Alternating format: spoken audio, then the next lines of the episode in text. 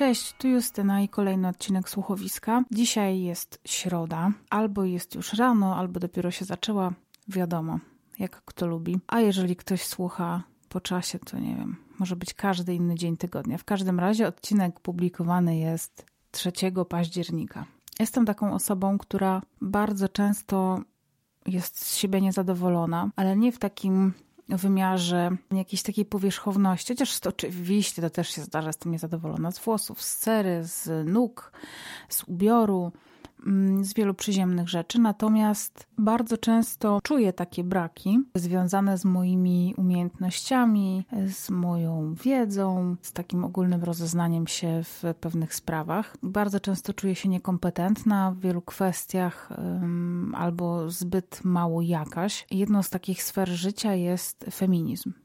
Mianowicie dzisiaj właśnie chciałam trochę o feminizmie porozmawiać, ale jak bo ten temat chciałam podjąć już wiele, wiele razy. Natomiast jak tylko sobie gdzieś tam o tym pomyślałam, zapisałam sobie pomysł, nawet takie rozwinięcie tematu, to od razu miałam w głowie taki, taką myśl, że no nie, no Justyna, ale przecież ty się w ogóle na tym nie znasz. A poza tym poruszanie się w, w tych obszarach feminizmu jest moim, z mojego punktu widzenia tak trudne, bo bardzo łatwo jest nadepnąć na minę i powiedzieć nawet jeżeli się uważam za feministkę, to można powiedzieć coś, co inną feministkę, może bardziej taką ultrafeministkę urazi, nie wiem, albo obnaży nagle moje jakieś e, totalnie szowinistyczne podejście do życia. Także trochę się boję, ale myślę, że nie jestem jedyną osobą, która ma do tego tematu dość zdrowe podejście, chociaż akurat teraz chcę powiedzieć coś, co e, straszliwie mnie wkurzyło i pewnie, pewnie większość z Was e, też gdzieś tam na to dzisiaj trafiła, bo to dzisiaj właśnie się pojawiło w internecie, czy może wczoraj. Pierwsza rzecz to jest e, ten taki podręcznik, czy jakaś broszura rozdawana dzieciom w szkole o molestowaniu seksualnym. Książka nazywa się Życie na maksa, poradnik uczuciowo-seksualny i fragment tej książki brzmi Jak powiedzieć nie nauczycielowi lub szefowi? Problem molestowania seksualnego, w cudzysłowie prawa pierwszej nocy, w przypadku młodych kobiet. Przede wszystkim potraktuj go z szacunkiem. Daj mu do zrozumienia, że schlebia ci zainteresowanie, które kieruje w twoją stronę, ale że będzie ci jeszcze milej, jeżeli będzie cię szanował. W żadnym wypadku nie bądź niegrzeczna, nie okazuj niesmaku, poniżysz i zranisz go, co może sprawić, że zechce się zemścić. Z szacunkiem podejść do tego, że będzie się czuł urażony. Bądź miła. Autorem tej książki, już wam mówię, jest yy, misjonarz Jean Benoit Casterman. Książka była rozdawana w ramach warsztatu organizowanego przez Instytut Profilaktyki Zintegrowanej i kurde, jakby mówiąc o tym, mam takie poczucie, że dlaczego ja tłumaczę rzeczy oczywiste, a raczej takie, nawet nie, że tłumaczę, tylko czy, czy w ogóle warto jest mówić o takich oczywistościach? Przecież każdy wie, że to jest jakaś bzdura, no ale skoro takie rzeczy są w książkach, które są rozdawane dzieciom podczas jakichś warsztatów organizowanych przez szkoły, no to chyba to nie jest do końca oczywiste, że molestowanie to nie jest uwodzenie, to nie jest podrywanie, to jest przemoc seksualna. To jest przekraczanie granic cielesnych. To jest, to jest tak, jakbyś podszedł do kogoś i walnął kogoś w mordę albo ukuł go strzykawką, to jest dźgnięcie nożem. To jest dokładnie to samo, tylko w inny sposób się nad kimś znęcamy. Wiecie, że są tortury, wiemy, że można czasami kogoś, nie wiem, torturować muzyką, kapaniem, nie wiem, kropli na głowę, można kogoś torturować brakiem snu, nie trzeba zawsze komuś przywalić. Można kogoś również skrzywdzić dotykiem w kurde niedozwolone miejsca. To, to jest po prostu straszne. I jest mi się potwornie trudno zgodzić na taką narrację, że w sytuacji, w której mówi się o molestowaniu, to nie mówi się o tym, że kurczę, bądź wyczulona na to, jeżeli ktoś cię źle dotyka, albo uważaj na facetów, którzy naruszają twoją wolność cielesną. Nie, tutaj się mówi o tym, że możesz urazić kogoś, kto ci pcha paluchy pod spódnicę, albo próbuje cię przyprzeć do ściany, albo próbuje cię wylizać. No, nie chcę być wulgarna, ale kurczę, to chodzi o komfort oprawcy. To jest podręcznik dla młodych dziewczyn. To jest podręcznik dla młodych ludzi, którzy dostają sygnał, bo młodym ludziom kształtują się dopiero poglądy i umysł. Oni dostają sygnał, jedna strona, że ma być grzeczna i nic nie mówi, czyli dawać i pozwalać w jakiś sposób na to, a drugiej płci pokazuje, że nic się nie stanie. Po prostu dziewczynka musi zachować się grzecznie. Więc szczerze powiedziawszy, nie rozumiem, jak mogę nie być feministką i jak mogę się, jak mogę się zgadzać z podobną narracją.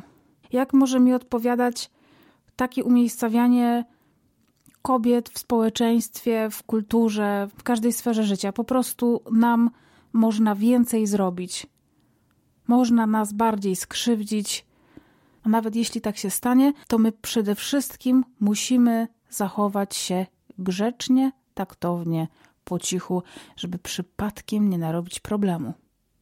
Uwaga, fragment z tej samej książki, no bo jak żeby kogoś innego. Uwaga, wyzywający strój równa się prowokacja. Prowokujący look lub ciuchy hot, mini spódniczki, body, pępek na wierzchu, spodnie biodrówki, stringi, przepastny dekolt, nagie plecy są zaproszeniem do czegoś więcej. Boldem. Uchodzisz za frywolną i dyspozycyjną dziewczynę. Koniec bolda. Jeśli cię zaczepiają, sama jesteś sobie winna. Kusisz los. Twój strój jest odzwierciedleniem Twojej osobowości. Strój zbyt skąpy albo zbyt sexy sugeruje płochość umysłu i lekkość obyczajów oraz wzbudza nieufność, pogardę albo pożądanie. Pełen prostoty, godny i elegancki strój jest natomiast oznaką szlachetnej duszy i wzbudza respekt i szacunek. Będziesz prawdziwie pociągająca. Młoda kobieto, podkreślaj swoją kobiecość bez sprzedawania swojego ciała. Upiększ się dyskretnym urokiem prostego, eleganckiego, a nawet klasycznego stroju. Dlaczego nie? Bycie za wszelką cenę na topie nie jest ani oznaką osobowości, ani kryterium piękności. Kolejny fragment. Chłopcy myślą wyłącznie o seksie. Prawda, to chyba było jakieś, wiecie, prawda czy fałsz. Powiedzmy sobie szczerze, że chłopcy są obdarzeni bardziej zwierzęcą seksualnością niż dziewczęta i dla nich najczęściej seks jest wszystkim. Czy chcesz, żebym ci powiedział, jaka jest pierwsza instynktowna reakcja chłopaka na widok dziewczyny? Trzymaj się mocno, bo odpowiem używając dokładnie ich słów. Da się zaliczyć czy nie? Przykro mi, jeśli cię to szokuje, ale tak właśnie jest. To ich pierwszy odruch, a ci, którzy mówią ci, że to nieprawda, kłamią. I tutaj pan ksiądz powołuje się na źródło jakiegoś pana Roberta Bilauda, Szkoła Życia i Miłości założona przez profesora Henri'ego Jouyet. Nie wiem, pewnie czytam to źle, przepraszam. Oh, jak ja to mogę skomentować? Szczerze powiedziawszy, jak to przeczytałam, to zachciało mi się autentycznie płakać. Także, wiecie, kręciło mnie w nosie. Teraz już jestem trochę, już to trochę przetrawiłam, bo jest mi tragicznie żal tych dzieci, które, które są karmione takim głównym. Przepraszam za brzydkie słowo, ale takim głównym. Z kobiet się robi puszczalskie laski, z chłopaków robi się zwierzęta, jeszcze zauważcie, że, to, że tam jest po prostu jeszcze, jeszcze, ten, jeszcze ten mądry ksiądz, który jest takim, kojarzy się dzieciom pewnie z kimś dobrym, pochodzącym od Boga, z kimś, kto nie ma żadnych wad. I ten ksiądz mówi, jeżeli ktoś ci mówi, że tak nie jest, to kłamie. Jest jeszcze fragment podręcznika pani Joanny Białobrzeskiej pod tytułem Ja, ty, my. Ala i Adam na tropach zaginionego skarbu podręcznik. Ten podręcznik jest dopuszczony do użytku w szkole, czyli dostało e, tam jakiś atest z Ministerstwa Edukacji Narodowej. Tam jest taki fragment, e, ja widzę go przed sobą. Teraz jest taka dziewczynka z rozłożonymi rękami. Ma taką no, głupkowatą trochę minę, taką, wiecie, nie wiem o co chodzi. I fragment brzmi mm, tak. Więc kończy i cieszę się, że nie jestem podobna do brata. Chociaż Adam z dużym nosem, odstającymi uszami i krzywymi nogami całkiem nieźle wygląda. Dlaczego? Bo jest chłopakiem, a chłopakom, jak mówi mój tata, nie uroda jest potrzebna, tylko spryt, siła i intelekt. Wiem, co to spryt, siła, tylko nie za bardzo rozumiem, co to jest ten kapsem intelekt. No oczywiście, że dziewczynka nie może wiedzieć, co to jest intelekt, bo dziewczynki są od ładnego wyglądania, bo jej brat może być brzydki w przeciwieństwie do niej, bo brat nie musi być ładny, za to musi być mądry a ona nie wie, co to znaczy być mądrym, bo jest niemądra. To to jest ładna. Rozumiem, że może to być troszkę wyjęte z kontekstu. Może autorka naprawdę miała dobre intencje i nie chciała nic złego powiedzieć tym fragmentem, ale nie wiem, ja mam w sobie, y, szczególnie pracując gdzieś tam w reklamie, gdzie czasami tworzy się różne scenki, dialogi, czasami się robi filmy, czasami się tworzy jakieś animacje, jakieś y, komiksy powstają, jakieś historie, gdzie są chłopcy i dziewczynki, to ja mam w głowie gdzieś tam wkodowane, że chcę, żeby role, jakie mają odgrywać w różnych scenariuszach, rozkładały się porówno. Czyli dziewczynka nie jest różową, różowym kwiatuszkiem, który po prostu tylko ładnie wygląda, tylko jest detektywem, jest pasjonatką astronomii. Dziewczynka jest przebojowa, potrafi wskoczyć na drzewo i pokonać smoka, a chłopak lubi śpiewać. I też jest przebojowy, jest mądry, wpada na jakieś pomysły. Dziewczyny nie są akompaniamentem dla mądrych chłopców. To nie są asystentki i sekretarki. I wkurza mnie to, że taki wizerunek gdzieś tam się cały czas przemyca. I najbardziej mnie denerwuje, że rosną nowe pokolenia, które mogą być kompletnie pozbawione tych naleciałości, tego syfu, który sprawia, że kobiety muszą dbać o komfort psychiczny swoich oprawców, że kobiety wciąż uważają, że są za głupie, że się do czegoś nie nadają, że są zawody, w których kobiet po prostu nie ma, bo w ogóle kto widział, nie wiem, babę śmieciarza. No chociaż już teraz też nie chcę przesadzać, bo coraz mniej jest takich sytuacji, no ale faktem jest, że kobiety zarabiają mniej i są badania, które gdzieś tam cały czas to pokazują. Kurczę, to jest strasznie słabe, no. Znaczy strasznie słabe, to jest po prostu, ja się na to nie zgadzam. I to nie jest tak, że ja przeczytałam, słuchajcie, jakąś kurde feministyczną książkę, bo wstyd przyznać, ale nigdy nie czytałam żadnej feministycznej literatury, poza, nie wiem, wysokimi obcasami, których nie kupuję, bo och, zaszły na psy moim zdaniem i nie jest to rozwijająca lektura, albo przynajmniej mi się nie podoba. Ale to jest coś takiego, jak no, nie zrozumiesz głodnego. I dopóki nie zostaniesz postawiony w sytuacji, w której twoja płeć będzie miała znaczenie, dla kogoś, to nie poczujesz tego, jak bardzo to jest niesprawiedliwe. To jest tak samo, jak my sobie w Polsce możemy, nie wiem, szydzić z Romów, z, czy możemy, w cudzysłowie oczywiście. Tylko jakby u nas jest, jesteśmy dość nieróżnorodni kulturowo i etnicznie, więc no mamy, mamy tutaj Romów, mamy kogo? Ukraińców teraz i my sobie możemy z nich szydzić, robić żarty, traktować ich z góry. Natomiast pojedźmy sobie paręset kilometrów na zachód i poczujmy się Polakiem w Niemczech, poczujmy się Polakiem na Wyspach. Usłyszmy żarty z Polaków w Stanach Zjednoczonych. To może nam nie będzie tak do śmiechu, jak e, przyjedziemy do Polski i będziemy nagle widzieć jakiegoś Ukraińca czy Roma. Nigdy nie jest fajnie być tym, kogo się obgaduje, z kogo się śmieje, z kogo się nabija, kogo się poniża. Zawsze dużo lepiej, też w cudzysłowie mówię to oczywiście, i dużo łatwiej jest być tą osobą, która ma taki komfort, że może sobie z kogoś się ponabijać bez najmniejszych e, problemów. Mi jako feministce zupełnie nie chodzi o to, żebym mogła sobie teraz, nie wiem, usunąć pięć ciąż na zawołanie. Chodzi o to, żebym nie była traktowana jako człowiek drugiej kategorii. Żeby ktoś nie zakładał z góry, że czegoś nie zrobię, bo jestem kobietą, że jeżeli coś mi nie pasuje, to dlatego, że mam humory. Żeby nie deprecjonował mojego zdania przez pryzmat właśnie babskich fochów, czy nie wiem, rozchwiane jakieś tam psychi. Ja też nie lubię ani swojego PMS-a, ani nie lubię tego, że żeby wam dociekliwa czasami za bardzo. Natomiast nie uważam, żeby to był powód do tego, żeby kogoś traktować lepiej, gorzej, albo no inaczej. Ja nie myślę o wszystkich facetach przez pryzmat tego, że mają penisa w spodniach i że chcą nagle zapładniać wszystkie samice dookoła. Bo kilkadziesiąt lat na tej ziemi nauczyło mnie tego, albo pokazało mi bardziej to, że tak to nie działa. Oczywiście są osoby, które mają rozbuchane życie seksualne, ale z obu stron. Są ludzie, którzy są imprezowiczami, są ludzie, którzy lubią hazard, a są ludzie, którzy lubią być w domu i nic nie robić. Niezależnie od tego, czy są mężczyznami, czy kobietami. Najgorsze, co możemy robić, to właśnie stereotypizować, uogólniać, wrzucać wszystkich do jednego wora i narzucać to kolejnym pokoleniom.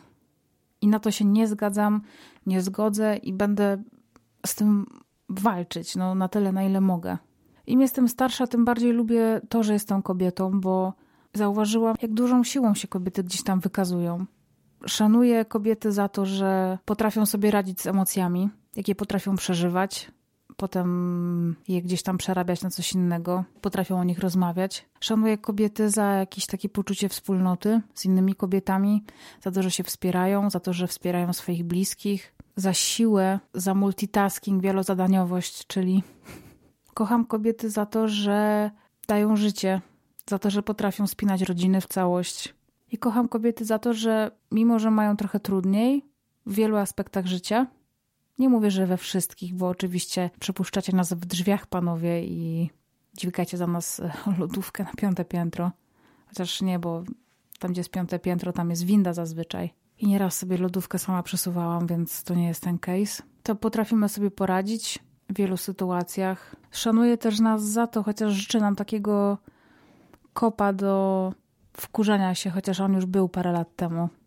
Nawet byłam wtedy na ulicy, chyba pierwszy, nie, nie, nie pierwszy raz w życiu, ale byłam, e, kiedy był Czarny Marsz. I szanuję też to, że kobiety mimo wszystko dalej funkcjonują i nie patrzą się na to, jak wygląda ich sytuacja tak naprawdę i walczą z tym, ale w taki sposób, w taki sposób, że świat się nie zawala, bo gdyby każda kobieta przestała danego dnia robić to, co do niej powiedzmy należy społecznie, to myślę, żeby się świat skończył tego dnia. I jestem feministką z tego powodu, że jestem również osobą, która nie jest rasistką, nacjonalistką, szowinistką i uważam, że każdy człowiek jest równy i powinien mieć równe szanse, i jego życie jest tak samo ważne i ma takie same prawa. I uważam, że feminizm jest przede wszystkim o równości, a nie o jakiejś przewadze, udowadnianiu światu, że jesteśmy lepsze od innych, bo, bo to nie jest prawda, to jest zaprzeczenie feminizmu. No i to tyle. Chciałam to z siebie wyrzucić. Wydaje mi się, że się trochę tutaj ośmieszyłam, bo mówiłam, myślę, że bardzo oczywiste rzeczy, a, a do tego może paru widzów odeszło, jak powiedziałam, że nie czytam wysokich obcasów, bo nie lubię. Albo że na przykład byłam na czarnym marszu.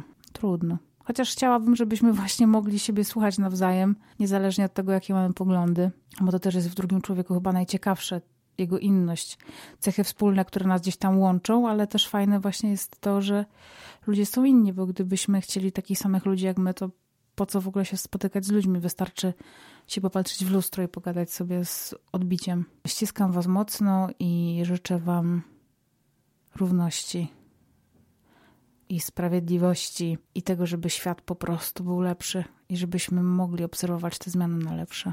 Takie jest moje marzenie. Dobra, do usłyszenia i papa.